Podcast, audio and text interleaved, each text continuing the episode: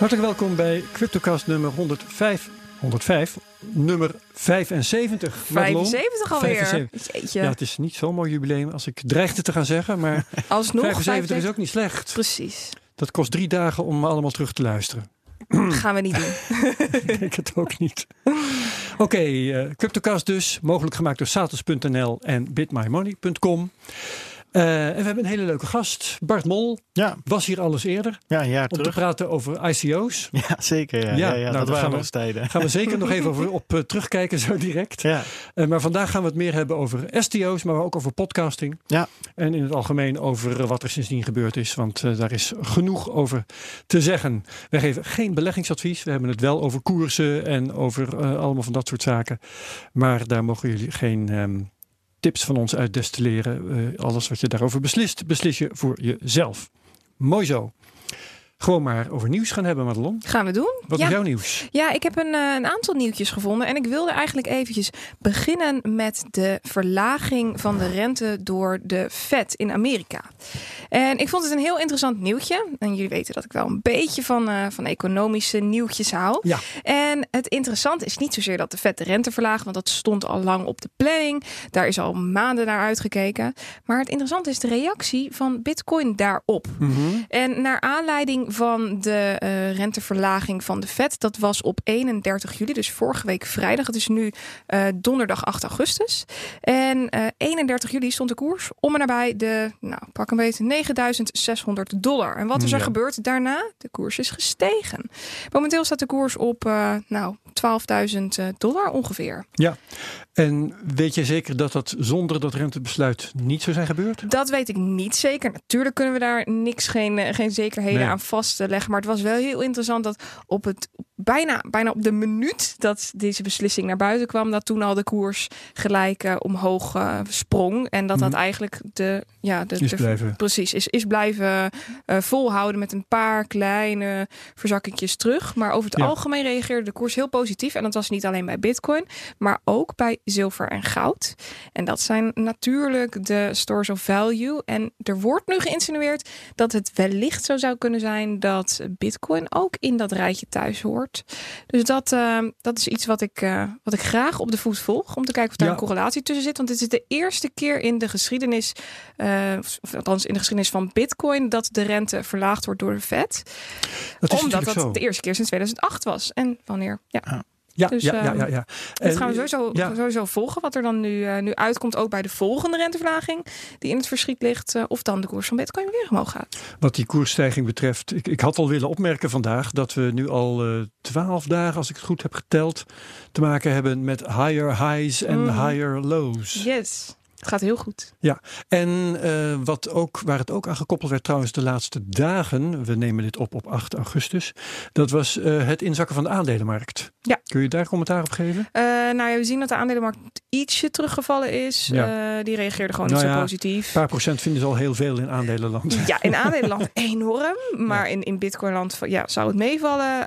Of daardoor het geld verschoven is vanuit de aandelenmarkt naar Bitcoin, vind ik lastig te, Mhm. te zeggen. Dat kan ik niet zo 1, 2, 3 inschatten. En wat voor partijen dat dan zijn geweest. We zien nu dat voornamelijk veel grote orders ingelegd worden op exchanges, bijvoorbeeld Binance.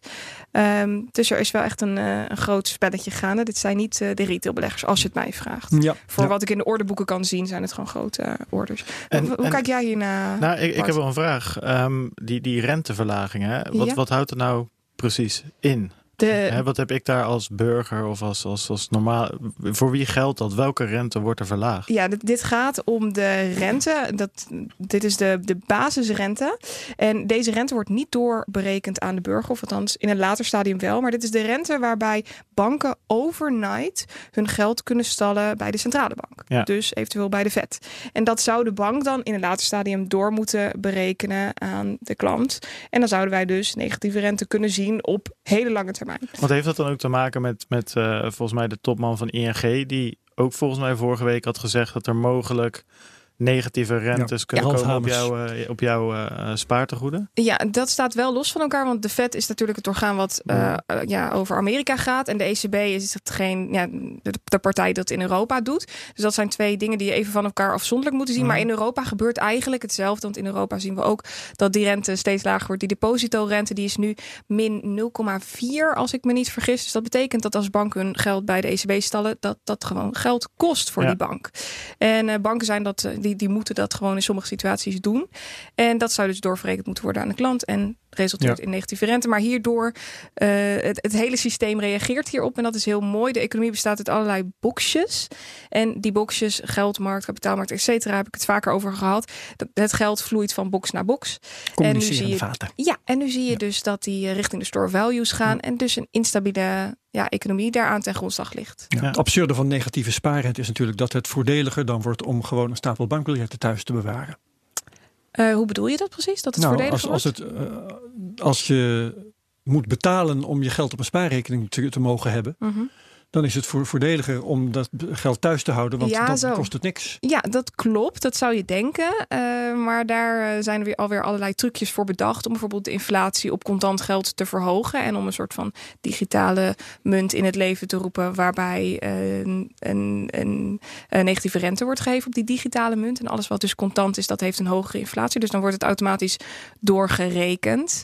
Ehm, en je zou dan denken, als ik het gewoon van de bank afhaal, dan is het ligt lekker onder mijn bed. Eh, maar als er dus meer inflatie is, dan heb je automatisch meer geldontwaarding. Maar dat snap ik niet. Waarom zou, ehm, zouden bankbiljetten aan meer inflatie onderhevig zijn dan eh, digitaal geld in dezelfde munt? Het IMF heeft een onderzoek gepubliceerd waarin ze laten zien hoe zonder dat er een, een bankrun nodig is, ehm, hoe, of zonder dat er een bankrun komt en zonder dat je cash moet gaan verbieden, hoe alsnog cash in een negatieve rentesysteem zou gebruikt zou kunnen worden. Want je zou dus zeggen, wat, wat eh, Bart terecht opmerkt, is dat de ING dit, dit eh, al een beetje, eh, nou, in ieder geval vertelde van, nou, het zou kunnen. Ja. En ehm, wat de reactie was op Twitter en op Facebook, mensen die zeiden, nou weet je, ik ga weg bij ING. Maar dan gaat niet alleen ING dit doen, dan gaat de Rabo dat doen. En dan denk je, ik ga weg bij een bank, ik stop het onder mijn matras. Juist. Maar dan krijg je het IMF en die zegt, we komen met twee verschillende munten. één cryptomunt of één eh, Oh, dat programmeerbare munt. verschillende munten moeten zijn. En één cash, eh, Hmm. cash betaalmiddel. En alles Ja. wat dus met cash wordt betaald, dat is onderheven aan meer inflatie. En heeft dus, wordt dus automatisch doorberekend dat er eh, negatieve rente op de spaarrekening is. En dan kom dat je. zou bizar zijn als elk product twee prijzen moeten hebben. Eh, hoe ze dat precies in dat onderzoek hebben eh, omschreven, weet ik niet.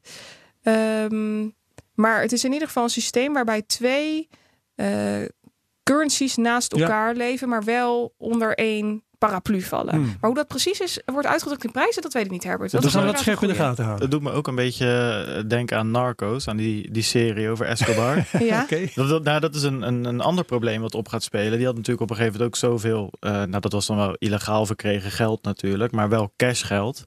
En dat had hij eerst ook onder zijn bed en daarna in een schuur en daarna begraven door heel het, heel het land. Ja. Ehm eh, Be Your Own Bank, dat is natuurlijk waar, waar Bitcoin ook voor, voor staat. hè, Mhm. met je eigen private keys en je eigen paper of ledger eh, wallet. Ja, het is ook niet altijd eh, leuk. Het kan ook gevaarlijk zijn of spannend. Het kan stress opleveren. Hè? Als Mhm. jij je- al je pensioen onder je bed hebt verstopt. Het kan gestolen worden. Ja. Je hebt geen verzekering daarop. Dus dat is denk ik nog een heel praktisch punt. Wat misschien ook wel mensen tegenhoudt die, die nu heel hard roepen. Ik haal het dan direct van de bank af Mhm. om dat dan niet te doen. Eh, en volgens mij is dat ook wat je ziet bij grotere eh, bedrijven die een zakelijke rekening hebben. Die hebben al een negatieve rente. En die lopen ook niet allemaal weg bij zo'n bank. Omdat je dat ook niet... Ja, dan, dan moet je je eigen kluis met geld gaan maken. Dat Ja. is ook natuurlijk En voor heel veel praktische sommige mensen problemen. zullen dat wel doen, anderen niet. Nee, zeker. zeker. Nee, goed. Ehm, maar we gaan dat scherp in de gaten houden, want eh, dat wordt heel interessant hoe ze Ja. dat dan praktisch eh, denken te gaan realiseren. Hey, eh, Bart Mol, ik heb geloof ik net vergeten te zeggen dat jij maker bent van Satoshi Radio. Ja, een andere podcast. Je bent gewoon onze concurrent. collega. Collega. Ja, ja, ja, ja. Conculega. Eh, net als wij was je genomineerd voor een ehm, Podcast Award. Podcast Dutch Podcast Award. Net als eh, wij heb je hem niet gekregen. Nee, Toen. helaas niet. Eh, dus wat dat betreft zijn we lots, eh, lots verbonden.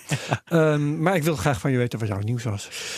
Ja, oké, dat, is, uh, dat is een soort uh, de slimste mensen inleiding. Dat doen ze ook altijd met die ja. vragen en dan een hele andere vraag te, erachteraan. Um, nee, het nieuws wat ik uh, mee heb genomen is dat er groot op alle crypto websites, ook op tweakers.nl zelfs, genoemd werd dat de Apple credit card niet gebruikt mocht worden voor het aankopen van cryptocurrency. Dus daar uh, ben ik even ingedoken. Uh, nou, dat kan ik heel kort houden. Uiteindelijk kwam dat niet echt van Apple af. Uh, Apple die maakt die ka kaart samen met Goldman Sachs. Dat is de bank die daarachter zit. Apple doet dat niet in, in zijn eentje. En en die, uh, die kaart, dat, uh, wat er dus uh, gebeurt, is dat in Amerika schijnt het dus zo te zijn dat creditcards niet zomaar gebruikt mogen worden om cryptocurrency mee te kopen of ja. loterijtickets mee te kopen of in een casino mee te betalen. Want je mag geen schulden maken voor dat soort. Ja, precies. Er zit een beetje een ethisch, ja. ethische gedachte achter. Ja. En het is niet zo bij alle kaarten, maar volgens mij bij de grote banken is dat dus op normale creditcards ook zo. En okay. deze kaart verschilt er helemaal niet van. Dus het werd nu nou ja, groot gebracht. Maar uiteindelijk ja, is het niet anders dan een normale plastic creditcard die, uh, die er al uitgegeven wordt in, uh, in Amerika. Dus was ook niet zozeer dat Apple dat als een soort PayPal toen met Wikileaks verboden heeft. Mm -hmm. Het is gewoon ja, wetgeving waar ze aan, uh, aan voldoen. Best vreemd eigenlijk dat het niet mag met je creditcard cryptocurrencies kopen. Wat ik, het enige wat ik me zou kunnen indenken is dat je op een creditcard bijvoorbeeld een, een verzekering hebt zitten. Waarbij als je een product niet ontvangt of een product wat niet goed is, dat je nou, dat dan terug kan claimen. Dat was met PayPal op een gegeven moment zo, ik, dacht ik. Ik ken de Amerikaanse situatie niet zo goed, maar in Nederland denk ik dat je zou moeten zeggen dat valt onder de zorgplicht. Ah ja, ja, want anders kun je ja, tot zoveel duizenden. Uh, ja, ja, ja, dat is zeker waar. Nou ja, dat is ook wat ik, wat ik teruglas. Dat dit er vandaan komt. Dat je inderdaad ook niet in een casino met je creditcard ja. 20.000 euro schuld mag maken. En dan direct op rood uh, zetten. Mag je wel beleggen met je creditcard? Ik denk het dan ook niet. Maar nee. ik zou niet weten of je met je creditcard niet, in Nederland uh, als aandelen kunt kopen. Uh, ik kan wel crypto's niet. kopen met mijn Nederlandse creditcard. Dat kan je wel. Coinbase, ja. Oké. Okay. Okay. Maar dat ja. wordt dan blijkbaar op dat het weer onder een Nederlandse bank valt, ja. is dat hier weer, uh, weer anders. Ik heb daar nooit problemen mee gehad in, uh, in ieder geval. Ja. Dus okay. uh, nou, dat was wel. Vond, vond ik op zich een interessant nieuwtje. En ook wel goed om eventjes uh, ja. te debunken. Mhm. Mm -hmm. Ja, eigenlijk. Ik vind het misschien wel grappig dat ik daarop aansluit met iets wat ik had liggen. Um, dat was namelijk voor mij een eye-opener. Uh, niet op, op zich nieuws, maar kwam nu wel via Forbes kwam dat uh, tevoorschijn. Dat in uh, Amerika betalen met bitcoin fiscaal best wel ingewikkeld is. Ja, ja. klopt. Want um, Bitcoin hebben, dat is daar niet zo'n probleem. Um, zodra je, maar, maar het is een, een asset, moet je geloof ik zeggen. Hè? Dus uh, ja, iets wat geld waard is, maar het is geen geld. Ga je het gebruiken om te betalen, dan zet je het in feite om in cash. Uh, in de waarde die het heeft. En dan moet je over de winst die je eventueel hebt gemaakt belasting gaan betalen. Op iedere dus, betaling ja. die jij doet? Ja, ja, koop je een brood met bitcoin, dan moet je dat fiscaal verrekenen. Dus dan moet je dan een administratie van bijhouden. Dat is toch van de zotte? Dat is van de zotte. Maar volgens de bestaande regels in, de, in Nederland is het natuurlijk anders. Omdat het hier, hier bitcoin is wel vermogen, maar uh, onze regels op uh, belasting op vermogenswinst zijn gewoon anders. Mhm. Mm -hmm. Dus dan mag je dat gewoon incasseren. Maar in de Verenigde Staten blijkt je daar dus een hele administratie voor te moeten gaan voeren. het is volgens mij heet het short-term capital gain. Uh, of ja. in ieder geval de, de tax die erop zit. Uh, op Reddit zag je er hele stukken over, elke keer rond december, zeg maar. Omdat mensen die hadden lekker lopen traden en die hadden ICO's gedaan en, en noem het maar op. En het blijkt dus inderdaad dat je op elke transactie moet je bijhouden hoeveel winst of verlies jij ja, daar. En op die daar, winst moet je in feite inkomstenbelasting betalen. Ja, de, de, de, belasting ligt in Nederland is het hier wat jij zegt. Het is uh, vier, of in ieder geval, ze gaan uit van een rendement van 4% ja. en dan betaal je dan weet 30%, ik veel, 30% over. over. Dus ja. het is 1,8 of zo over het, over het hele bedrag. Dus dat zelfs, daar hebben we het voor mij vorige keer nog kort over gehad. Zelfs als je hier 10.000 euro of 20 of 50.000 euro hebt staan, is dat voor de meeste mensen nog wel te overzien. Je gaat niet uh, direct enorm de schulden in. Maar ja. als dat natuurlijk op 30% is op elke transactie en jij verliest aan het eind van het jaar al je geld, dan ja, je leest verhalen van mensen die een ton of, uh, of, of 150.000 euro belasting moeten betalen, die al in crypto's alweer verloren zijn. Ja, ja dat zal je ja. hier dus niet zien. Nee.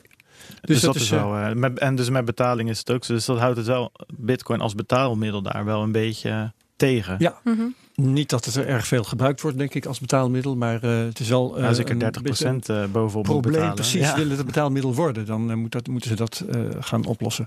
Benieuwd hoe ze dat dan gaan doen. Had jij nog meer nieuws trouwens, Malon? Je had nog wel een paar dingetjes. Hè? Ja, ik had nog twee dingetjes. Eén daarvan gaat over Noord-Korea. En ik vind het nogal opmerkelijk nieuwtje. Volkskrant... Ze zijn daar niet zo achterlijk, krijg ik wel eens de indruk. Maar ga verder. Ik weet het niet ja. zo goed. De Volkskrant die kopte namelijk... Noord-Korea verdiende miljarden voor kernprogramma met cyberaanvallen op banken en bitcoinbeurzen. Ja. En het zou gaan om 2 miljard. En Noord-Korea die zou dus uh, cryptobeurzen en banken gehackt hebben. En dit dus gebruiken om wapens en hun hele hebben en houden te financieren. En Ik hoor wat sceptisch in je stem. Ja, het interessante is dat hier wordt gemeld in dit stuk dat het niet helemaal duidelijk is wie de aanvallers zijn geweest, omdat de cryptovaluta zijn opgedeeld in kleine stukken. Dat noemen ze ook wel mixers en daarna verdeeld zijn naar verschillende oh wallets. In principe valt alles in de blockchain te achterhalen, maar als er mixers worden gebruikt, wordt het toch een beetje lastig. En uh, ik vraag me af, hoe kunnen ze nou weten dat, het, dat dit uh, cyberaanvallen uit Noord-Korea zijn Waar geweest? is het op gebaseerd? Heb jij daar enig idee van, Bart? Nou ja, het was een onderzoek van de Verenigde Naties, volgens ja, mij. klopt, de VN. Um, dus ja, dan zou je toch zeggen dat dat dat is toch een respectabel orgaan, Mm -hmm. toch? Dat is toch niet zomaar een een of ander uh, onderzoeksjournalistje die in zijn eentje wat, wat, wat roept. Maar ja, aan de andere kant, ja, ik, ik heb het ook gelezen en uh, ik kon heel weinig daaruit terughalen. Het zou Ja. inderdaad gaan om het financieren van een program for weapons of mass destruction of iets, iets Mhm. dergelijks. Nou, je, je hebt dan eigenlijk twee problemen. Hè? Want het ene is, uh, is het wel Noord-Korea dat uh, Ja. dit geld heeft gevangen? En het tweede is, hoe weet je vervolgens waar ze het aan hebben uitgegeven? Ja, Ja, dat is heel knap. maar dat stond Ja. volgens mij ook niet, uh, niet genoemd. Nee, het staat er niet duidelijk in. Uh, het, het, Reuters heeft het, persbureau Reuters heeft, Ja. het, uh, heeft het ingezien. Het, het, het stuk van VS, VN bedoel ik, de Veiligheidsraad. Um, maar ja, waar, waar nou precies uit blijkt hoe ze zeker weten dat het de Noord-Koreanen zijn en hoe ze zeker weten waar dat geld aan besteed is, dat kan ik nergens terugvinden. Wel is het dus zo dat er cyberaanvallen geweest zijn op cryptocurrency currency exchanges, moeilijk woord. En daarnaast ook op banken. En dat vind ik wel een beetje vreemd, want die vallen nu in hetzelfde rijtje. Mm. Zou eigenlijk niet moeten, hè? Nee, eigenlijk niet. Want dat cryptocurrencies ex exchanges makkelijk te hacken zijn, dat weten we. Daar hadden we het vorige week nog over. Maar dat banken ook zo makkelijk te hacken zijn, dat had ik eventjes niet zo geschoten. En als Noord-Korea dit kan, is. zou het dan niet andersom ook kunnen? Ja. Hoe bedoel je andersom? Dat, Nou, dat, dat- we ze terughekken. Precies. ja. Ik vraag me Of- af of dat überhaupt niet gebeurt, of dat het wel gebeurt. En wat zou Noord-Korea kunnen dat de Russen niet kunnen, om maar eens een Ja. te noemen. Ja. Ja, en het is natuurlijk ook zo dat, dat Noord-Korea natuurlijk een, een van de landen is waar, waar het Westen wel ook met een enigszins gekleurde bril naar kijkt. Ja. Dus ik wil niet direct dit, dit onderzoek uit het raam gooien daardoor, maar ik denk dat het goed is om daar, dat ook wel in het achterhoofd te houden, om te kijken, om dat ook niet per se voor waar aan te nemen. Ik Ja. bedoel, het is natuurlijk Nee. Noord-Korea is wel een van de landen, net als, net als Rusland en China, die toch vaak wel soms terecht, maar misschien onterecht. Ik heb die kennis ook niet wel in een, in een negatief daglicht worden Mhm. gesteld. Ik Ten heb dit opzichte van het Westen. Niet bekeken, maar eh, Reuters eh, of de VN gaven geen bron, geen origineel PDF-document of zo. Nee, eh, alleen Reuters heeft het, eh, het, het nu ingezien tot nu toe. Maar ik ben heel benieuwd als het document naar buiten komt, wat er dan voor eh, details We in moeten staan. proberen Ja. dat te pakken te krijgen. Dat gaan we doen. En ik had nog, ja. eh, nog een ander nieuwtje. En dat eh, gaat over Litecoin. Want afgelopen maandag was de halving van Litecoin. Ja, En daar werd natuurlijk halsrijkend naar uitgekeken. Want dit is een soort van format voor de halving van Bitcoin aankomend jaar. Ja. En we weten allemaal, Litecoin is vier keer over de kop gegaan. Minimaal vier keer over de kop gegaan vanaf aan- januari. ja. Ehm, ja, afgelopen jaar. En eh, doet het nu behoorlijk rustig. Is niet, springt er niet uit. Op het moment van de halving zelf schoot hij iets van 2,5% omhoog ten opzichte van Bitcoin. Waar Bitcoin 5% steeg. De Litecoin heel even 8% als ik me niet vergis. Even nog wat. Ehm, maar zakte echt binnen een half uur, een uur alweer terug. En... ehm, wat dus interessant is om te zien, is wat er nu daadwerkelijk gaat ge- gebeuren hierna in de komende weken, komende maanden. Want wellicht kunnen we dit als blauwdruk eh, gebruiken voor Bitcoin. Ja, en eh, de eerste aanwijzingen zijn dus dat het eigenlijk inmiddels ingeprijsd was. Heb ik het goed? Ja, je zou kunnen zeggen dat dit al verdisconteerd zat in de koers, omdat Ja. de koers dus al vier keer over de kop geweest is. Maar dat was dus in een half jaar voorafgaand aan die halving. Dan ben ik heel benieuwd wat er gebeurt in het half jaar voorafgaand aan de Bitcoin-halving. Ja, nou ja, en dus in dezelfde periode is de koers van Bitcoin natuurlijk drie keer over de kop gegaan. Ja, dat is zeker waar. En of, dat, ehm, of die stijging van Litecoin puur te maken heeft gehad met de uh, aankomende halving. Of dat dat ook deels te maken heeft gehad met Bitcoin als first mover. En dat het gewoon Bitcoin volgt, net als de vele andere altcoins. Dat zou natuurlijk ook kunnen. Dat daardoor Litecoin nog maar één keer over de kop is gegaan. Uh, er zijn allerlei vraagtekens, kanttekeningen die je hierbij kan, uh, kan maken. Maar het feit is dat die halving in ieder geval geweest is. En wat daar um, aansluitend ook belangrijk is om in de gaten te houden, is om te zien of de miners nu zeggen: de beloning is niet hoog genoeg. We leggen even onze apparatuur stil. Waardoor het netwerk dus iets minder snel wordt, omdat de transacties minder snel goed, goedgekeurd kunnen worden. Maar tot op heden lijkt dat niet zo. En Charlie Lee heeft zelf gezegd, de oprichter van Litecoin, of de CEO, hoe noem je dat bij een currency? Mm -hmm. Die heeft zelf gezegd: zolang de stroomkosten maar rond de uh, of onder de 10 cent per kilowattuur. Dat. uh, zolang ze daaronder blijven, dan is er niks, uh, niks aan de hand. Dan is het nog rendabel. Dus ja. we gaan ervan uit dat het, uh, dat het goed komt met, met Litecoin vooralsnog. Oké. Okay. Yes. Mooi. Uh, ik had er nog eentje, um, namelijk er wordt uh, uh, wel gezegd bitcoin toch allemaal criminele handel. Hè? Mm -hmm. Het MIT heeft dat maar eens onderzocht. Heeft 200.000 bitcoin transacties onder de loep genomen.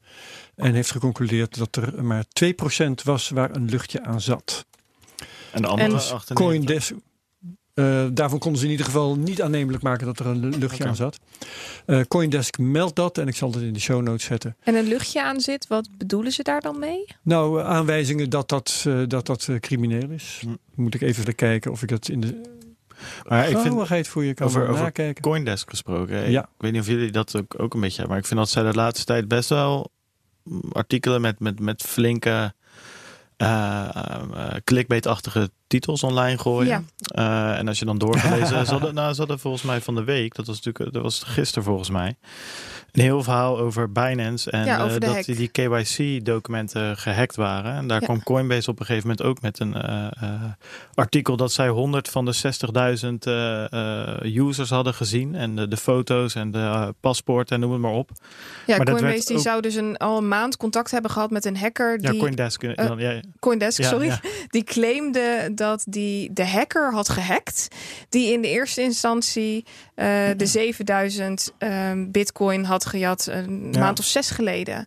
En zij claimden dus dat ze al een maand contact hadden met die hacker. En inderdaad die foto's hadden gezien. Maar dat hadden ze dan geverifieerd met één of twee mensen.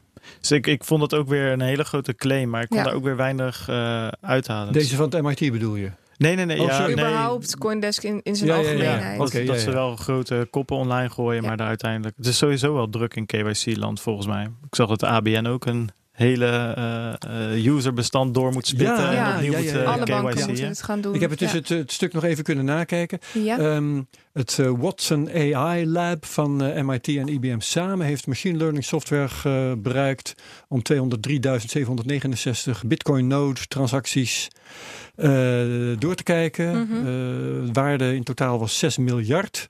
Ja. het idee was om te kijken in hoeverre kunstmatige intelligentie uh, nuttig is bij het, uh, um, bij het uh, nakijken op um, wit, ja. mogelijke witwaspraktijken. En nou ja, die software die was getraind met. met eerdere transacties uit de, hoe heet dat, de EML, anti-money laundering sfeer. Mm -hmm. um, en die identificeerde 21% van die transacties als zeker wettig. Um, de grote meerderheid bleef unclassified. En er zijn dan 2% was um, in overeenstemming met uh, de suggestie dat het niet deugde. Maar dan hebben ze dus maar de helft van alle transacties die op één dag plaatsvinden, hebben ze onderzocht. Want ja. gemiddeld zijn er ongeveer 400.000 transacties per dag. Dus het is nog relatief weinig wat ze dan nu hebben onderzocht. Kun je een steekproef nemen uit wat er in een halve dag gebeurt? Nou, weet je, met steekproef is het vaak zo dat een behoorlijk klein aantal vaak statistisch significant kan zijn. Mm -hmm. als je, ik weet bijvoorbeeld dat als het gaat om de Nederlandse bevolking, als je daar iets over wil weten, dan is een steekproef van 1500 man vaak voldoende. Okay. Vraag me niet waarom, maar dat hebben statistici dan aangetoond. Mm -hmm. Wat mij tegenvalt als ik het zo terugzie, uh, dat is uh, dat ze 77% niet kunnen uh, ja. identificeren. Dus dat kan ook en dat allemaal. Is, dat is betrekkelijk zwak. Ja, ja. precies. Maar goed. Het, uh, zullen we nog heel even terugkomen op, op, die, uh, op die hack van Binance? Ja, als je dat wil. Want uh, ja, we, we, hebben die helemaal gemist. Ik heb daar vanochtend een uitgebreid stuk over gelezen. En het wordt ook gelijk weer ontkracht. Uh, ik heb het net al even kort samengevat. Er is dus een hacker geweest. Die heeft de hacker gehackt. Die 700.000 uh, bitcoin heeft gestolen. En die hacker is heel erg lang in contact geweest met Binance en met Coindesk. Beide. En tegen Binance heeft hij gezegd... ik heb alle KYC-documenten. En ik ga die openbaren tenzij ik, wat was het, 3,6 miljoen uh, euro van jullie ontvang uit mijn hoofd. Of dollar, 3,6 miljoen. 300 bitcoin had hij het over. Dus dat Iets in die... zal ergens in ja, die er, in, ja, in, die, in die uh, trant. En um, dat wilde die hacker graag hebben. En Binance heeft gezegd, dat betalen wij niet. Toen is er een Telegram groep opgericht. En daarin heeft hij langzaamaan foto's gedeeld van de mensen. Dat zaten ook Nederlanders bij. Ik heb een, een, een Nederlandse foto onder ogen gekregen van een meneer... die voor zijn webcam een foto had gemaakt met zijn paspoort in zijn hand. En erbij een briefje van Binance met de datum erop. En dit werd door Binance gelijk ontkracht, want zij zeiden: dit zijn niet onze ehm, KYC-documenten. Die zijn namelijk verzegeld met een watermerk erop. En daarnaast was het zo dat zij in de periode van begin 2018 hun KYC uitbesteden. En zij hebben het idee dat die partij, die derde partij waar de KYC dus door uitbesteed werd, dat die juist degene is geweest waar de eh, hacker aan de achterkant heeft, uh, ja, mogelijkheid heeft gekregen om die gegevens te kunnen krijgen. En ook wordt er gezegd, die, uh, die hacker die heeft dus gezegd, ik weet wie de echte hack heeft gedaan van die 7000 bitcoin. Nou, Binance zegt dus dat is niet het geval. Dat kan niet. Um, deze hacker heeft op dark web alsnog de KYC-documenten uh, verkregen. En die is die nu aan het pushen op het gewone internet en vraagt daar dus geld voor. Ja. Dus um, ja, er zijn heel veel kanttekeningen, heel veel vraagtekens op dit moment. Zijn die hackers echt bekend bij de nieuwe hacker, de goede hacker? En waarom wil hij er dan geld voor? En waarom openbaart hij dan nu alsnog de, deze gevoelige KYC-gegevens, waar ook Nederlanders tussen zitten? Ik vind het nogal een. Uh, ja, want van, van wie wil hij nou nog geld hebben? Hij wilde geld hebben van Binance, dus die 3,6 miljoen. En dat wilde hij hebben, zodat hij niet die gegevens zou openbaren. En dan kon hij aan Binance openbaren wie nou de echte hacker was. Ja. Die, uh, maar de, ja. wat hij nu publiceert komt niet van Binance, en, maar hij wil nog steeds geld. Ja, Binance zegt dit komt niet van ons, want ons watermerk staat er niet op. Maar die mensen die staan wel met een briefje omhoog ja. waar Binance opgeschreven staat en de datum. Ja. Dus die hacker zegt, dit komt gewoon wel van jullie. Maar Binance hmm. zegt weer, dit is een derde partij. Toen hadden we andere KYC, et cetera, et cetera. Um, maar of het nou van Binance komt of niet, ik zou zeggen 3,6 miljoen is niks. Hou gewoon tegen dat die gebruikersdata wordt gelekt. Ja, maar als je op chantage ingaat, dan moet je dat de volgende keer ook weer doen. Dus ja, kan daar heb je ook Dat is een beetje het motto van de Amerikaanse overheid, toch? Dat ja, ze nooit, uh, nooit betalen. Doen. Die, die ja. sturen eerder nog een uh, Navy team uh, of Navy SEALs team er, ergens de stad in dan dat ze dat doen. Maar wat ik wel um, uh, interessant hieraan vond, het mij opviel dat CZ, dus die uh, baas van, uh, van Binance, die stuurde meteen een tweet waarin hij zei: Don't fall into the KYC leak FUD, dus fear, uncertainty mm -hmm. and doubt. Yeah. We are investigating, will update shortly. En zoiets zei hij natuurlijk ook een tijdje terug toen ze gehackt werden. Mm -hmm. Toen zei hij ook van, joh, niks aan de hand, een scheduled maintenance en zo. En toen zes uur later, toen was het toch van, ja, we zijn toch wel gehackt voor een flink bedrag. Dus hoe geloofwaardig zijn zij? Nou ja, dat vraag ik me soms uh, wel eens af, inderdaad. Ja. ja. Nou, to be continued. Zeker, zeker weten. Uh, de prijs, de prijzen. Ja, de prijs. Uh, ik pak hem er even bij. Ik zal ook Coin Market Cap eventjes voor me. Gelukkig is het internet snel. Uh, even kijken. Bitcoin staat nu op een plus van 1,22 procent. En de koers die... Voor, voor, de dag bedoel je? Ja, op de ja. afgelopen 24 uur. En de koers die staat nu op iets minder dan 12.000 dollar. En uh, vorige week vertelde ik nog heel leuk dat we binnen een trading range zaten waarbij de onderste bodem op 9450 dollar lag. Daarnaast aan de bovenkant hadden we een top van rond de nou 10.800 ongeveer. En daar zijn we op 4 augustus uitgebroken. Dus dat is vier mm -hmm. dagen geleden. Toen maakten we gelijk een move naar de top van de driehoek. Die al een, een hele poos geleden getekend is. Al zeg maar sinds midden juli. En die top, daar, daar hingen we een poosje tegenaan. Die bevond zich op 12.000, nee, 11.830 dollar. En uh, de allerhoogste top, je zou deze lijnen een beetje subjectief kunnen, kunnen tekenen. De allerhoogste lijn die bevindt zich op 12.220 dollar.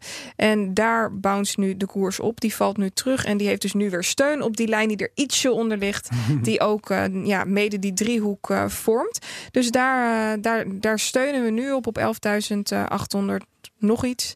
En um, de verwachting is dat de koers in dit driehoek blijft lopen. Uh, dit driehoekpatroon, uh, dat, dat gaat dus niet hoger dan die 12.000 uh, 12.000 dollar wat ik net noemde. En als ik heel eerlijk ben, denk ik dat we hier ook nog wel eventjes blijven de komende tijd tot en met eind augustus. Ja, bijna eind augustus. Ja. Um, in ieder geval ruim midden augustus.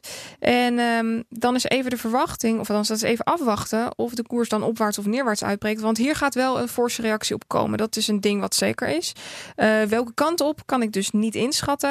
Het is geen heel duidelijk driehoekpatroon. Doorgaans is het zo dat een driehoekpatroon vaak opwaarts uitbreekt. Op dit moment heb ik zoiets van, nou, dat er een hele duidelijke schuin lopende uh, weerstandslijn is, die, die zie ik.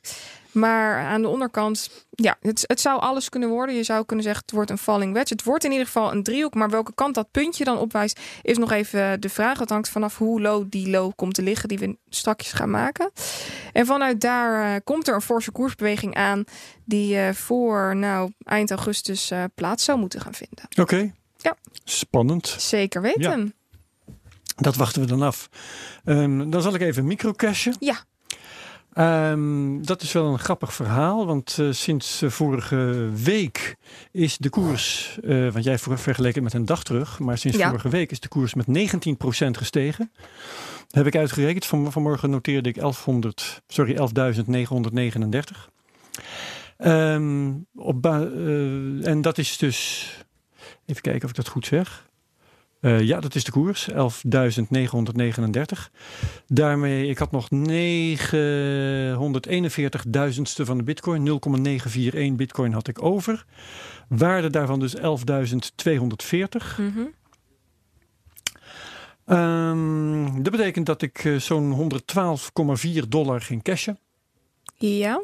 1% daarvan. En dat uh, betekent dat ik in totaal nu inmiddels heb gecashed 753,5 dollar. Mm -hmm. En wat leuke is nu, um, omdat, mijn, uh, omdat de koers van de bitcoin zo lekker Toch gestegen is. is gegaan, ja. ja uh, ik ben begonnen met één bitcoin die waard was een week of zeven geleden 11.832 dollar. Ja, ik hou nu over na het cashen 11.127 dollar. Mm -hmm. En uh, terwijl ik 753,5 dollar heb gecashed. Dus, je hebt heb, meer heb meer gecashed dan, ja. ik, uh, dan mijn tegoed minder waard is geworden. Ja, precies. Dat is ongeveer waar het op neerkomt. Um, wordt nog leuker als de koers nog verder stijgt, want dan heb ik straks misschien weer meer dan waar ik mee begonnen ben. En heb je nu al, al, spijt van uh, de voorgaande nee, cashacties? Nee nee, nee, nee, nee, nee. Dit is een principe dat je toepast ja. en niet iets waar je spijt Gevoel van Gevoel en emotie bij mag Ja, voelen. het is iets ja. waar je aan begint en dan weet je dat de koers beide kanten op. Daarom begin je met een dergelijke strategie. Mm -hmm. um, nee, niks aan de hand. Uh, dus ik heb nu nog 0,932 bitcoin over en we gaan volgende week kijken wat dat waard is en wat het dan weer aan, uh, aan cash oplevert. Hartstikke mooi. Ik wil nog heb, iets anders. Heb jij uh, in die uh, berekening die je daar hebt ook de ja, zeg maar um, fictieve trading fees meegenomen? Nee. Nee, dat soort dingen die reken ik niet mee. Nee, ja, dat, ik snap het. Dan wordt het heel gecompliceerd. Ja, zou het wel, ik ga het zou ook wel uit van interessant de... zijn om eens te... Ja, zeker. Ik ga ook uit van de, de middenkoersen die okay. ik uh, online vind. Eh, en uh, ga je kijken wat je er werkelijk voor terugkrijgt bij, nou ja, uh, BitMyMoney of, mm. of Satos bijvoorbeeld, onze sponsors. dan zit je natuurlijk altijd met een verschil tussen ja, inkoop en verkoop. Precies. En krijg je er net iets minder voor terug dan waar ik nu mee loop te schermen. Ja. Dat is een feit. Nee, ja, het is ook niet, het is geen, uh, ik wil geen feit op tafel uh, gooien of zo. Maar ik was benieuwd of je dat, of je dat meenam. Zeker omdat je natuurlijk aan micro uh, cashen bent. Dus dan kleine percentages. Zou interessant zijn in ieder geval. Ja, keer, nou, of je, of je macro cash of micro cash, dat percentage is hetzelfde. Ja. Over het algemeen. ja, nou ja, dat is, dat is waar. Ja. ja. Goed, um, dus dat. ik wil iets anders aankondigen. Dat is namelijk het volgende. Um, dan moet ik even in herinnering roepen dat um, op 26 juni uh, beleefde de bitcoin een voorlopig hoogtepunt. Ja, Toen stond de koers even op 13.800. Mhm. Ehm, toen moest ik weer denken aan de voorspelling van John McAfee. Oeh, Ik had niet gedacht dat ik daarover zou beginnen. Hè? jeetje. Nee, maar dit, dit wordt een heel leuk verhaal. Het was namelijk het volgende, dus, eh, dat is aan de hand. Ehm, toen ben ik de koers gaan vergelijken met het dieptepunt op 15 december van, ehm, als ik me niet vergis, 3125 dollar. Ja. Dus eh, we hadden een dieptepunt van 3125 op 15 december. En we hadden een eh, hoogtepunt van 13.800 op 26 juni. Mhm. Toen heb ik mezelf de vraag gesteld: eh, met hoeveel procent per dag gemiddeld is de Bitcoin in die tijd nou gestegen? Nou, dat kun je uitrekenen. Dat vind ik leuk om te doen. Daar heb ik een spreadsheetje voor gemaakt. Dus het antwoord was met 0,77 procent per dag. Ja. Tussen 15 december en ehm, 26 juni. Valt best mee op zich. Ja, toen heb ik een andere vraag gesteld. Met hoeveel procent per dag zou de koers moeten stijgen om dat doel van John McAfee te halen Ja. op 31 december 2020. 2020? Het antwoord was 0,78 procent per dag. Wow, dat is best... Dat lag veel Close. dichter bij elkaar dan ik had gedacht. Wow. En natuurlijk is sindsdien de Bitcoin-koers lager geworden. Mhm. En er zijn een aantal dagen vooruit, eh, voorbij gegaan. Ja. Dus als je dat nu zou uitrekenen, zou het verschil veel groter zijn. Ja, nu loopt hij eh, toch wel, eh, wat is het, 86% achter ongeveer. Eh 86% achter, ja. Ja. Precies. En als je zou, nu zou uitrekenen hoeveel is het gestegen sinds 15 december hè, met nu, Mhm. dan zou het veel lager uitkomen dan die 0,77%. Ja. Dus het verschil is nu veel groter. Ja. Maar het eh, overtrof mijn stoutste verwachtingen dat Ja. het op dat moment zo dicht bij elkaar kon liggen. Het zou nog wel kunnen En, ook. Wat dat betreft zou je moeten zeggen, het zou nog kunnen ook. En dat geloven wij natuurlijk helemaal niet hier aan deze tafel. Nee, absoluut niet. Maar ik vond het wel een heel mooi moment. En ik hou deze spreadsheet bij de hand. Ja, super. En als we weer eens een all-year high gaan meemaken, dan reken ik het nog eens een keertje uit. Dat is toch wel heel spannend. Volgens eh, McAfee zou de koers nu op eh 85.000 eh, dollar moeten liggen. Precies, dat verschil is gigantisch Dat klinkt geworden. enorm. Ja. Ja. Maar eh, oké. Dat wat betreft eh, alle inleidende rituelen. We zijn al een heel eind op streek met de podcast. We gaan eh, eens even lekker met, met Bart praten. Maker van, eh, van Satoshi Radio. Ja. Hoe gaat het met Satoshi Radio? Ja, dat gaat hartstikke goed. Ja? Ehm, vorig jaar ben ik dat gestart met eh, een vriend en collega van mij, Wijnand Luitjes. En ehm, ja, toen zat ik hier en toen hadden we er volgens mij drie opgenomen met z'n tweetjes. Eh, en inmiddels zijn het er 61. Dus eh, elke week is er eentje bijgekomen. Dus dat is heel tof. Mhm. Eh, we zijn na vijf of zes afleveringen ook gestart met het uitnodigen van gasten. Omdat we merkten, ja, op een gegeven moment ben je met z'n tweeën wel, wel uitgepraat. Uitgeluld, en eh, ja. Heb je ook niet overal verstand van. En kan je ook niet in een weekje inlezen op, tot op het niveau van sommige gasten. Eh, ehm, zeker als het gaat om economie of wetgeving, eh, dat soort dingen. Dus ja, inmiddels ook eh, ja, denk meer dan 50 gasten langs gehad. En ja, dat gaat hartstikke goed. Dat is super leuk om te doen. Dus Mooi. ik, ik denk dat er ook. ehm, wij zijn toen de tijd begonnen omdat dat we vonden dat er wel wat meer aandacht aan besteed kon, kon worden. Jullie deden dat natuurlijk, maar ja, één uur per week, eh, daar dachten wij, daar kan nog wel wat bij. Ja. En ehm, nou ja, ja, dat, dat, dat, eh, dat, eh, dat blijkt ook wel. Er zijn ja, genoeg luisteraars en hartstikke actief op Telegram. En ehm, ja, er worden eigenlijk hele leuke discussies gevoerd over van alles en nog wat. En nog niet eens zozeer over de prijs, maar ook hele, ja, soms echt technische dingen die, die echt boven mijn pet gaan. Dus ik, ja, het- wat ik daarvan leer, dat, ja, misschien ook een, vraag ook een vraag naar jullie. Zo, ik, dat vind ik nog wel het leukste, dat ik elk, soms gasten in de studio heb staan, dat je denkt van, nou joh, er gaat een hele nieuwe wereld voor me open. Ja. Ik weet niet of dat voor jullie ook zo... eh, Ik Zeker. voel me zo bevoorrecht dat we dit iedere week mogen doen. Dat je iedere week een nieuw iemand hebt met een bepaald expertise vlak. Dat je denkt, wow, dit had ik nog nooit. Iedere, iedere week leer ik wel iets. En wij hebben Ja. dan het voorrecht dat wij mogen onze eigen vragen mogen stellen. ja. En ook voor de luisteraar natuurlijk die... Ja, voor, voor, voor de luisteraar is het, is het goud geld. Omdat je zoveel nieuwe kennis kan opslokken. Maar voor ons is het net een stapje extra. Omdat je alles mag vragen in principe wat je wil. Ja. Ik vind dat heel, heel bijzonder. Ja. Ja. En het is ook heel bijzonder dat eigenlijk iedereen die je vraagt graag komt. Dat heb ik Ja. ook. Heb Ja. ik, ik zat net nog na- Enkele uitzondering trouwens daar. Maar goed. Ik, ik zat net daar nog over na te denken. Dat is echt enorm, enorm of grappig dat je dat zegt. Ik zat net hier in dat cafeetje naast even wat dingen voor te bereiden. En dat was een van de dingen die mij ook is opgevallen. Ik bedoel, je uh, benadert mensen via LinkedIn of je belt ze, maar het is vrij koud allemaal. Hè? Je kent niet Mhm. iedereen. En eigenlijk iedereen vindt het leuk om langs te komen en te vertellen. Ja. Ja. Eh, Terwijl crypto toch wel een, een lastig onderwerp is voor velen. nou, ik merk dat het vooral zo is bij, bij de wat grotere bedrijven. Dat het gevoelig ligt, bedoel je? Ja, dat die Ja. wat, lastiger, eh, wat lastiger vinden om daar eh, tijd voor te maken. Ja. Of, of, of te komen praten. Of echt ja, in zo'n podcast toch maar... eh, ja, het is geen interview. Hè, te laten zien. Precies. En ik moet zeggen, dat is ook wel... We hebben, eh, even kijken, Hidde ter Poorte van APG bijvoorbeeld gehad. En eh, Linda Bos van KLM. En dat vond ik dan wel weer enorm stoer. Dat, dat mensen van zulke bedrijven wel zeggen van... Nou oké, we gaan het wel gewoon doen. En we Ja. gaan wel gewoon over blockchain en crypto praten. En dat, eh, dat kan ik wel waarderen. Maar het is inderdaad grappig dat je, dat je het zegt. Heel veel mensen vinden het heel leuk om langs te komen. Ja, en zijn er ook dingen waarvan je, we hebben natuurlijk behoorlijk wat overlappende gasten. Zijn er dingen waarvan je zegt, ja, dit is iets wat ik zo vaak voorbij hoor komen. Wetgeving en eh, regulatie, privacy, alles wat daar. Dat heb ik wel. eh, Ja. Ik denk dat wij drie of vier advocaten langs hebben gehad. Simon Lelyveld natuurlijk, die ook bij jullie Ja. is geweest. Eh, dus we hebben het daar wel vaak over gehad, omdat er gewoon heel veel gebeurt op dat gebied. Je hebt nieuwe AMLD-aanvullingen, dus eh dat anti-money Witwassen. laundering, witwassen. Mhm. Eh, je hebt nog de GDPR, dat is natuurlijk zit meer op het privacy. Eh, waar jullie het ook over hadden, PSD2. Dus dat die banken hun, hun systemen enigszins open moeten zetten voor derde partijen die een vergunning hebben. En vorige week volgens mij het congres in Amerika die weer Facebook daar op het matje had, had geroepen. Dat zijn Mhm. natuurlijk allemaal dingen die nu spelen. En dat is wel Ja, heel Het interessant. hele Libra-fenomeen. Ja, zeker. Ja, alles, alles begint in principe met het in hokjes plaatsen van wat zijn die crypto's nou, wat vinden we daar nou van? En daarna komt dat inderdaad dat stukje regulering. En je merkt dat zoveel partijen, ook waar wij mee spreken, Herbert, dat, dat die allemaal gewoon vastlopen omdat je geen duidelijk framework hebt waar je mee kan werken. Nee. Ook banken die heel erg terughoudend zijn. En ja, dat, eh, dat, dat speelt gewoon een hele grote, grote rol. Ja, zeker. Dat, eh, dat merken, merken wij ook. Eh, je hebt natuurlijk best wel veel eh, verschillende brokers in Nederland. Hè. Jullie noemden net jullie sponsoren op. Dat zijn er bijvoorbeeld twee. Ja, die moeten nu allemaal gaan voldoen aan die nieuwe eh, Ja. anti-money laundering wetgeving.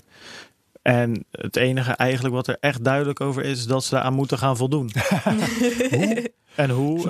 dat was eerst een vergunningsplicht en dat is nu toch weer een registratieplicht geworden. En dat zijn allemaal wel lastige dingen, want het gaat wel per 1 januari in. Er zit wel een overgangsperiode in. Maar dat, ja, ik kan me voorstellen als je zo'n zo'n bedrijf eh, eh, leidt, hè, of als je daar werkt, dat het best wel eh, onzekere tijden Ja, zijn. en, en eh, ABN AMRO heeft nou net te horen gekregen dat ze zelfs hun gewone, ik bedoel, die doen dan nog niet eens iets op het gebied van crypto. ja, Die moeten hun eigen rekeninghouders scherper in de gaten houden. ja. Nou, dat is voor een bank natuurlijk een hoop werk, maar goed, het is een groot bedrijf, er gaat veel geld in om, wordt veel winst gemaakt. Mhm. Dat is voor ehm, kleine cryptobedrijven natuurlijk een veel grotere last, relatief gesproken. Zeker omdat het dan wel over crypto gaat, dus nog iets moeilijker allemaal om... Ja, het, het, ligt, maken. het ligt er dus een beetje aan. Kijk, het, het- het lastige in die wetgeving was dat daar bepaalde dingen in stonden die technisch heel lastig waren. Ten eerste wat zou het zo zijn dat elke eh cryptotransactie hoog risico zou hebben. En hoog risico betekent dat je dan ook de zwaarste KYC-procedure Hmm. door moet. Mhm.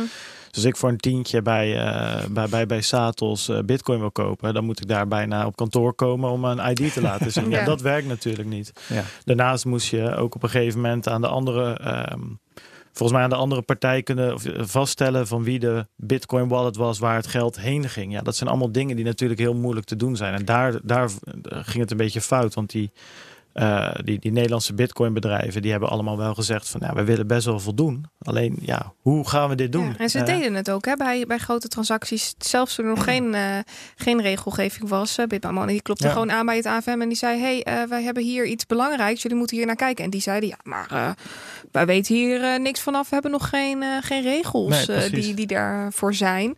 Dus ehm, ja, dat zijn allemaal, allemaal hele belangrijke dingen die echt nog, nog duidelijk moeten worden. Ja. En waar we echt al minstens een jaar met z'n allen over praten. Maar wat er nog steeds niet ligt op dit moment. Nee, dat is heel lastig. En dat is iets wat, wat vaak, eh, vaak terugkwam. En eh, denk ik, een ander ding wat we ook wel vaak hebben gezien... en wat ik eigenlijk ook wel heel leuk vond... is dat we best wel wat mensen, Nederlandse jongens dan vooral trouwens... eh, hebben gesproken die eh, actief zijn in een crypto-project. Eh, of, in een, of, in een, ja, of in een start-up die zich bezighoudt met crypto. Een van de twee. Mhm. En dat vond ik eigenlijk, ja, daar krijg je echt een, een, een, een inkijkje hoe dat dan een beetje, een beetje gaat. En we hebben bijvoorbeeld, even kijken hoor, we hebben Rick Smits hebben we in de studio gehad. Dat is de CEO van LTO Network. En die hebben Mhm. inmiddels een ICO gedaan, maar wij spraken hem voordat ze dat gingen doen. Ja, dat is enorm grappig om daarna dan te zien hoe dat gaat. Eh, Dusk Network is net zoiets. Die zijn nu op Binance gelist. Daar hebben we Jelle Pol gehad. Ja, dat zijn dingen die zijn. Dat, dat vind ik zo geinig om te zien dat je die dan anderhalf jaar geleden of een jaar geleden spreekt. En eigenlijk nog net zitten ze met een idee bezig zijn. Dan een jaar later spreek je ze weer en dan kunnen ze verhalen vertellen hoe. Eh, hoe het is om op, op, opeens op Binance gelist te worden. Of hoe het is om een Telegram groep van 30.000 mensen in toom te houden. Dat, zijn, ja, dat spreekt allemaal heel erg tot de verbeelding. En Ja. dan zit je dan, dan mag jij wat je zegt, dan mag je dan de vragen aanstellen. Dat is heel gaaf. Mhm. Ja. En als je kijkt naar... eh, oh, sorry Herbert. Jij... Mm, nou ja, ik wil even vragen, hoe, hoe ervaar jij als, maar dan vooral als podcaster, het verschil tussen nu, we zitten dan weer in een stijgende Ja, markt, dat wilde ik ook vragen. Ah, Ja. kijk. En eh, de tijd dat jij, dat jij voor het laatst bij ons zat, Ja. namelijk in een bear market. Nou, dat uit? was, dat was nog een staartje. Toen hadden we nog niet echt door dat het zo'n bear market zou worden, volgens mij. dat klopt, ja. Eh, toen hebben we het voor over ICO's gehad. Ja, nee, daar, daar begonnen wij dan toen ik ook, ook mee. Hè. We, we zaten daar helemaal in en we lazen daar heel veel over. Dus we hebben heel veel over ICO's gepraat.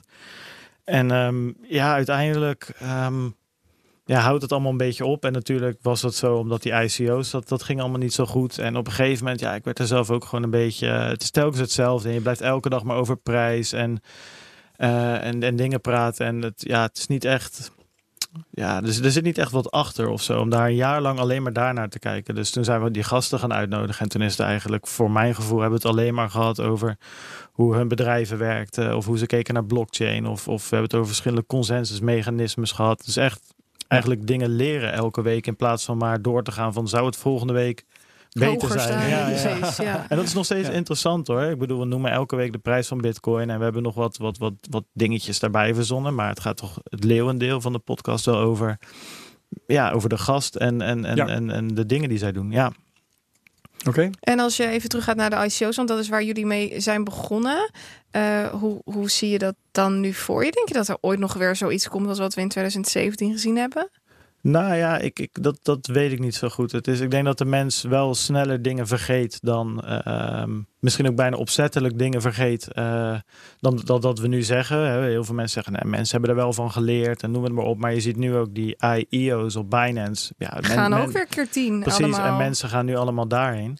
Maar ja, wij hebben het toen over ICO's gehad. En het, en het verhaal wat ik toen gehouden heb, dat heb ik nog even teruggelezen. En daar sta ik nog steeds wel achter. Ik vind het nog steeds een, een, een prachtige en innovatieve vorm van fundraising. Ja. Waar er eigenlijk frictieloos geld opgehaald kan worden bij een groep mensen. Zonder regulering. Ja, daarom ook frictieloos inderdaad, zonder, Ja. zonder wetgeving. Opgehaald kan worden bij, bij, bij mensen die daarvoor nooit konden investeren in, in zo'n project. Door bedrijven die daarvoor nooit geld op konden halen op de markt. Ja. Maar om precies diezelfde reden ook allemaal heel riskant.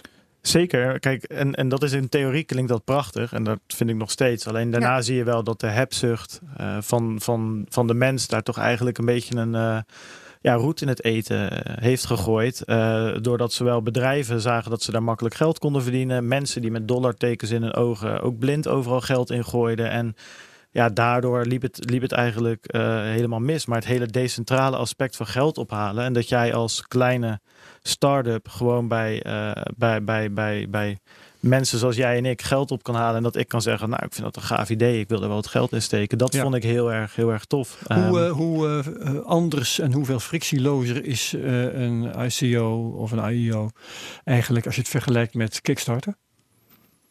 Ehm, nou ja, Kickstarter, bestond toch al lang. Dat, dat is zeker. Eh, bij Kickstarter ehm, was het natuurlijk zo dat Kickstarter ertussen tussen zat. En dat had je Ja. bij een ICO Ja, die niet. pakte behoorlijk een percentage, als ik me niet vergeet. En daarnaast kan je het wel vergelijken. Want ehm, bij Kickstarter kreeg je dan een mok. Of, eh, of stickers of zo, of iets in die richting. Ja, en eh, nou ja, dus volgens mij, niet, volgens mij werden daar geen aandelen op. En nu krijg je gewoon tien keer je geld terug. Tenminste, dat hoop je dan. Nou ja, maar eh, de overeenkomst is dat je hier dus een, een token terugkrijgt. Wat eigenlijk achteraf gezien Ja. 9 van de 10 keer ook eigenlijk had je net zo goed stickers terug kunnen krijgen. Dus, dus wat dat betreft is het wel een treffende, treffende vergelijking. Eh, maar wat je nu natuurlijk ziet met die IEO's, dat is eigenlijk al het slechte van die ICO's. Minus al het goede. Dat is er eigenlijk vanaf gehaald. het decentrale is, is weg. Het is een centrale partij eh, die, die dat doet. ja. Eh, ook nog eens Binance. Nou ja, ik weet niet Binance laat ook niet het achterste van zijn tong zien als het gaat om hoe ze gereguleerd zijn, wat voor audits ze daar doen. Dus ja, of dat nou zoveel. Uh, of ik daar, laat ik zo zeggen, als ik bij Binance een token koop, weet ik ook niet of de SEC uh, later nog achter me aankomt, omdat Binance zijn, uh, zijn zaakjes niet op orde had. Dus daar geloof ik eigenlijk ook niet, um, niet zo in, want die tokens hebben nog steeds geen onderliggende waarde. Ja, en dan heb je nog de STO's waar je veel mensen over hoort. Ja, want ja. dat was helemaal booming een poosje geleden. En nog steeds hoor ik daar heel veel over. Ja, ik. Um, ik vraag, het, ik vraag me af, kijk, wat je met die ICO's had, is dat projecten nadrukkelijk hun best deden om als utility token gezien te worden. Want als jij als security token gezien werd, als aandeel, dan, was je daasje. dan viel je onder de jurisdictie van bijvoorbeeld de AFM, ja. maar in Amerika de SEC. Dus projecten probeerden echt te laten zien van nee, nee, nee, dit token moet je echt gebruiken op de blockchain en het is totaal geen aandeel. Mm -hmm. ja. En dat heeft ook als negatieve uh, keerzijde, zeg maar, dat bedrijfjes, startups die eigenlijk misschien wel uh, uh, te goede trouw waren en wel een aandeel uit wilden geven, konden dat niet doen, omdat je dan de SEC achter je aan krijgt. En daar wringt de schoen ook een beetje. We hebben volgens mij met die ICO's geroken aan hoe het zou kunnen zijn hè, om, om, om, uh, om geld op te halen voor kleine, kleinere MKB-achtige bedrijfjes zonder een IPO te doen met een grote dure bank en een prospectus.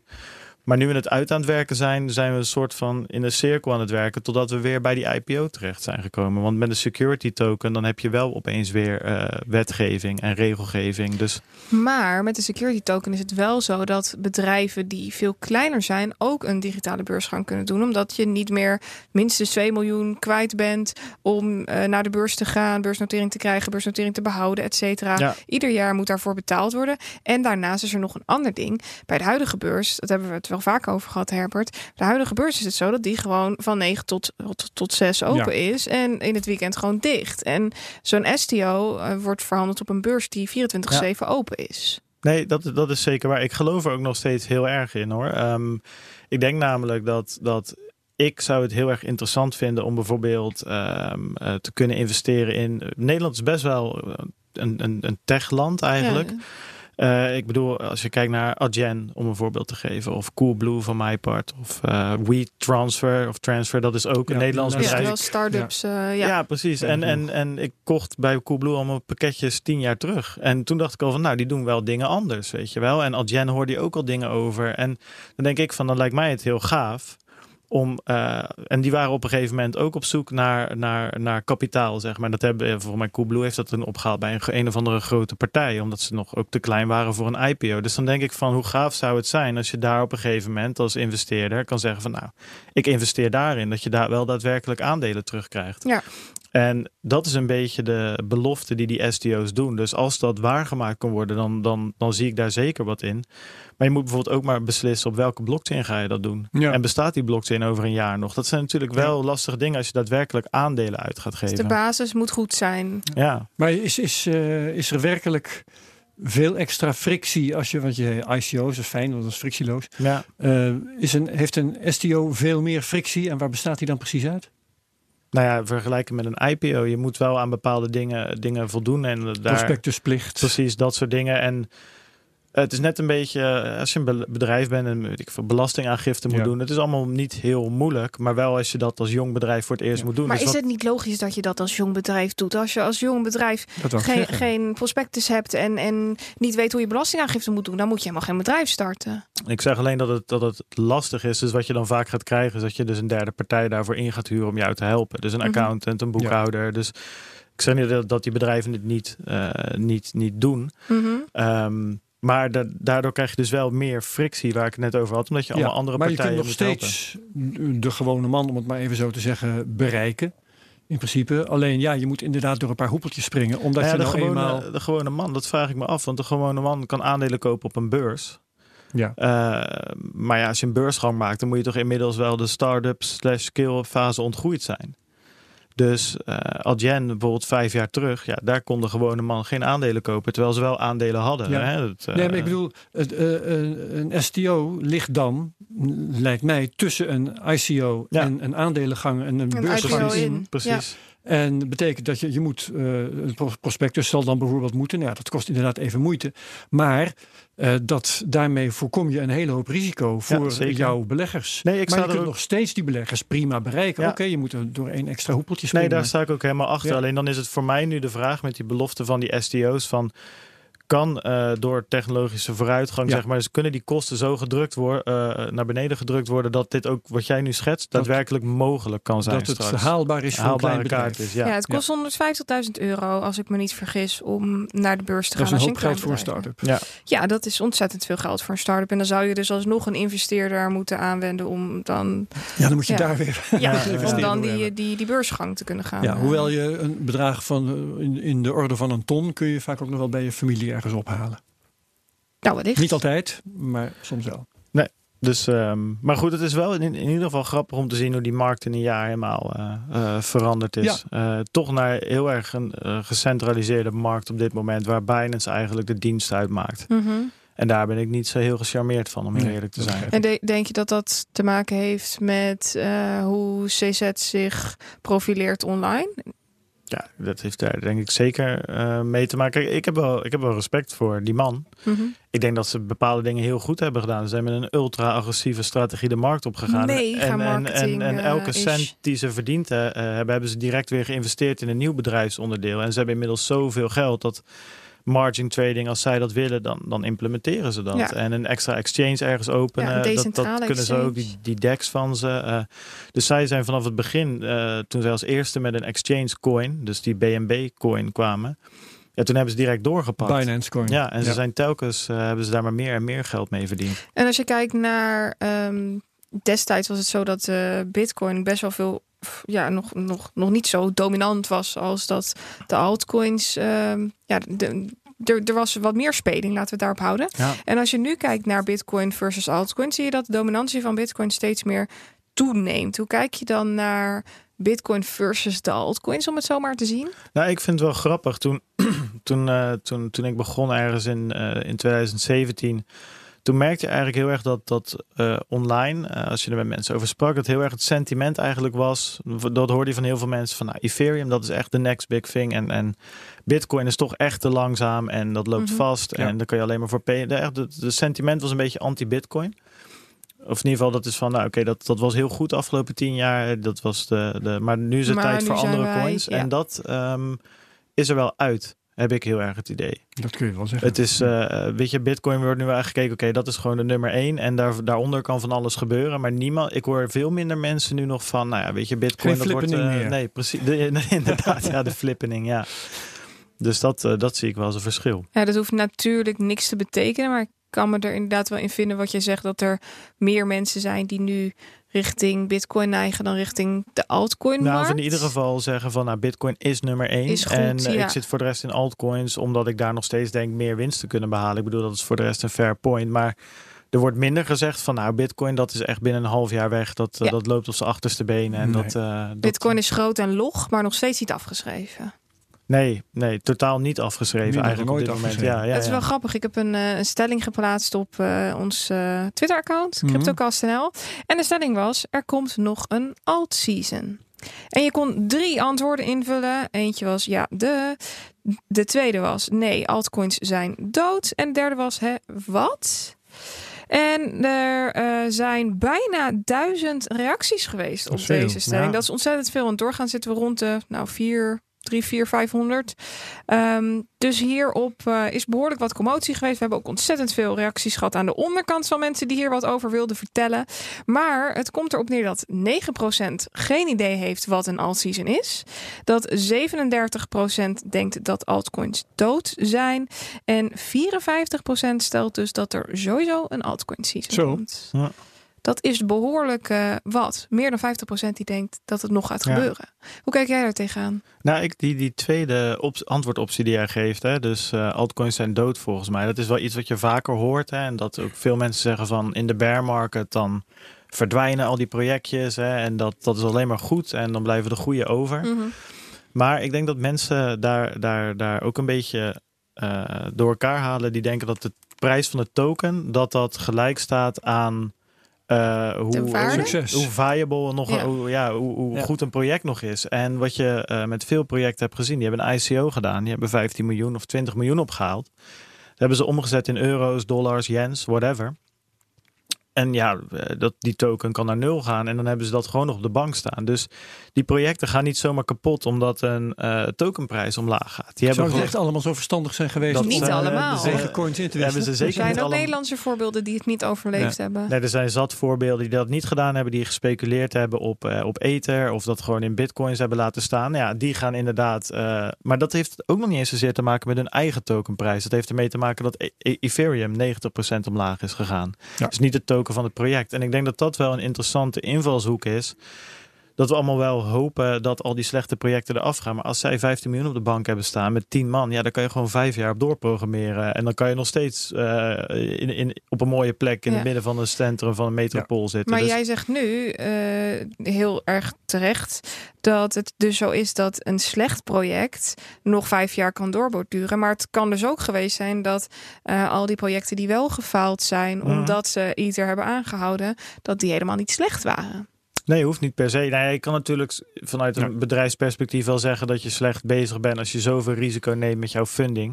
Ja. Ja, dat is zeker waar. Maar ik ben het met je eens. Het kan zomaar zijn dat het project wat helemaal niet levensvatbaar is, dat die nog gewoon zes jaar doorprogrammeren ja, en zichzelf Ja, uitbetalen. dus als Dat ze, kan. met andere woorden, als ze verdwenen zijn, dan eh, wil dat niet zeggen dat ze slecht waren. Nee. En als ze zijn gebleven, wil het niet zeggen Dat, ze goed zijn. Ja. en die koers die staat daar dan dus eigenlijk totaal los van. Dus prijs en waarde, dat ligt niet Ja, eens op één lijn hierin. Niet, niet, nou, niet per se totaal los. Want het is wel vaak zo dat zo'n team ook nog een gedeelte van hun eigen tokens in eigen kas heeft. Hè? Mhm. Dus ze hebben wel vaak wel natuurlijk wel, wel, wel eh er baat bij als die tokenprijs hoog is. Want ja, als jij nog, eh, net als bij Ripple bijvoorbeeld, nog, nog eh, 80% van die Ripples in je eigen zak hebt zitten. Dan is het wel fijn als die prijs lekker hoog is. Ja. Ehm, maar ja, dat zijn twee verschillende eh, dingen die er, die er gebeuren tijdens een ICO. Je haalt geld op en daar geef je een gedeelte van je tokens van, voor uit. Dat geld kan je gewoon op de bank zetten daarna is het omzetten vanuit Ethereum.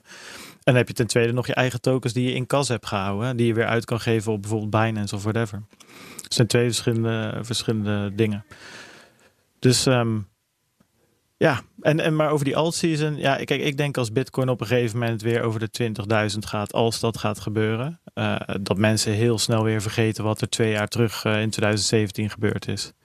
En als dan komen mensen erbij en die kopen Bitcoin en die denken dan op een gegeven moment van ja, het staat nu op 40.000 euro. Nou, weet je, als het keer twee gaat, is het 80.000 euro. Nou, dan is er weer tegen die tijd alweer een nieuwe shiny altcoin waarvan ze denken van nou, daar kan een keer 10. Dus ik denk dat Ja. er dan uiteindelijk, maar welke altcoins dat zullen zijn, wanneer dat gaat gebeuren, Mhm. ik weet het niet. Er zijn ook zat altcoins uit 2017, Golem, Sia Coin, noem ze allemaal maar op, waar je nu niks meer van hoort. Wat toen Maar, echt ja. de, de, de hot stuff was, zeg Ja. maar. En als je kijkt naar de toekomst, eh, durf je daar iets van uitspraken over te doen? Eh, in de trend van altcoins, eh, waarde, koersen. Nou, koersen, dat laat ik liever eh, aan jou over. Ik doe daar geen uitspraken over. Nou ja, wat ik wel heel interessant vind, is dat we nu twee jaar na oprichting of starten van veel van die ICO's zitten. Ja. Ze hebben twee jaar geleden een whitepaper gepresenteerd Beloftes en, gedaan. en, en gezegd van nou, over twee jaar dan is het mainnet online en dan gaan we echt. En ze hebben zich twee jaar een beetje kunnen verschuilen achter al die eh, timelines en, en, en beloftes van nee joh, dat is pas zo in Q3 2019. Ja, daar Mm. zitten we bijna. Dus daar zitten we zelfs al. Ja. Nou, bijna trouwens. Nou, maar maakt ook niet uit. Maar het punt is dat ze nu wel echt moeten laten zien. Weet je, die mainnets zijn live. Neo, EOS, Tron, eh, noem ze allemaal maar op. Hebben allemaal een mainnet. Ja, er moet nu wel wat gaan gebeuren. Ja. Dus er moeten nu... Ja, nu is het wel... En dat vind ik heel interessant om het komende half jaar te gaan bekijken. Van joh, gaat hier nou echt wat mee gebeuren? Je denkt dat het komende eh, half jaar daar beslissend voor is. ja, half jaar, jaar. Dus Ja. Vanaf nu eigenlijk. Want ze hebben Maximaal. allemaal... Ze zijn uitgedeveloped, eventjes Mhm. bot gezegd. En ja, als er nu geen gebruik van gaan maken... dan heb je een mooi mainnet staan... wat sneller is dan Bitcoin of Ethereum Waar of niemand whatever. wat mee doet. Ja, precies. Ja, helder. We gaan het hierbij laten. Yes, gaan we doen. Dankjewel Bart Mol voor eh, je bezigheden hier. Ja, geen probleem. Thanks dat ik er mocht zijn in de 75ste Ja, hè? aflevering. En veel succes nog met eh, Satoshi Radio. ja, thanks. Ehm, even kijken, volgende week eh, dan zijn wij hier weer, Madelon. Ja, en dan spreken we met Wouter Arkink. Ja. En eh, met hem gaan we het hebben over Stellar. Super over altcoins gesproken. Ik ben heel benieuwd. Stellar is een hele interessante, hè? want eh, die wordt door IBM gebruikt bijvoorbeeld. Mhm. En heeft allerlei toepassingen in het snel over de wereld sturen van echt geld. Gaat Wouter ons allemaal uitleggen. Uh, vind je Cryptocast goed uh, en beluister je ons via iTunes, dan kun je daar reviews achterlaten. Dan zijn we daar beter vindbaar. Dat helpt ons dus. En uh, je kunt ons ook delen, bijvoorbeeld op Twitter met de mention at Sorry, Moeilijk woord hoor. At CryptoCast.nl. Zou ik langzamerhand toch moeten kunnen. Oké, dus um, heel fijn als je dat doet. Bedankt voor het luisteren voor deze keer. Uh, dankjewel Madelon. Herbert natuurlijk bedankt. Iedereen bedankt voor het luisteren en tot volgende week. Dag allemaal.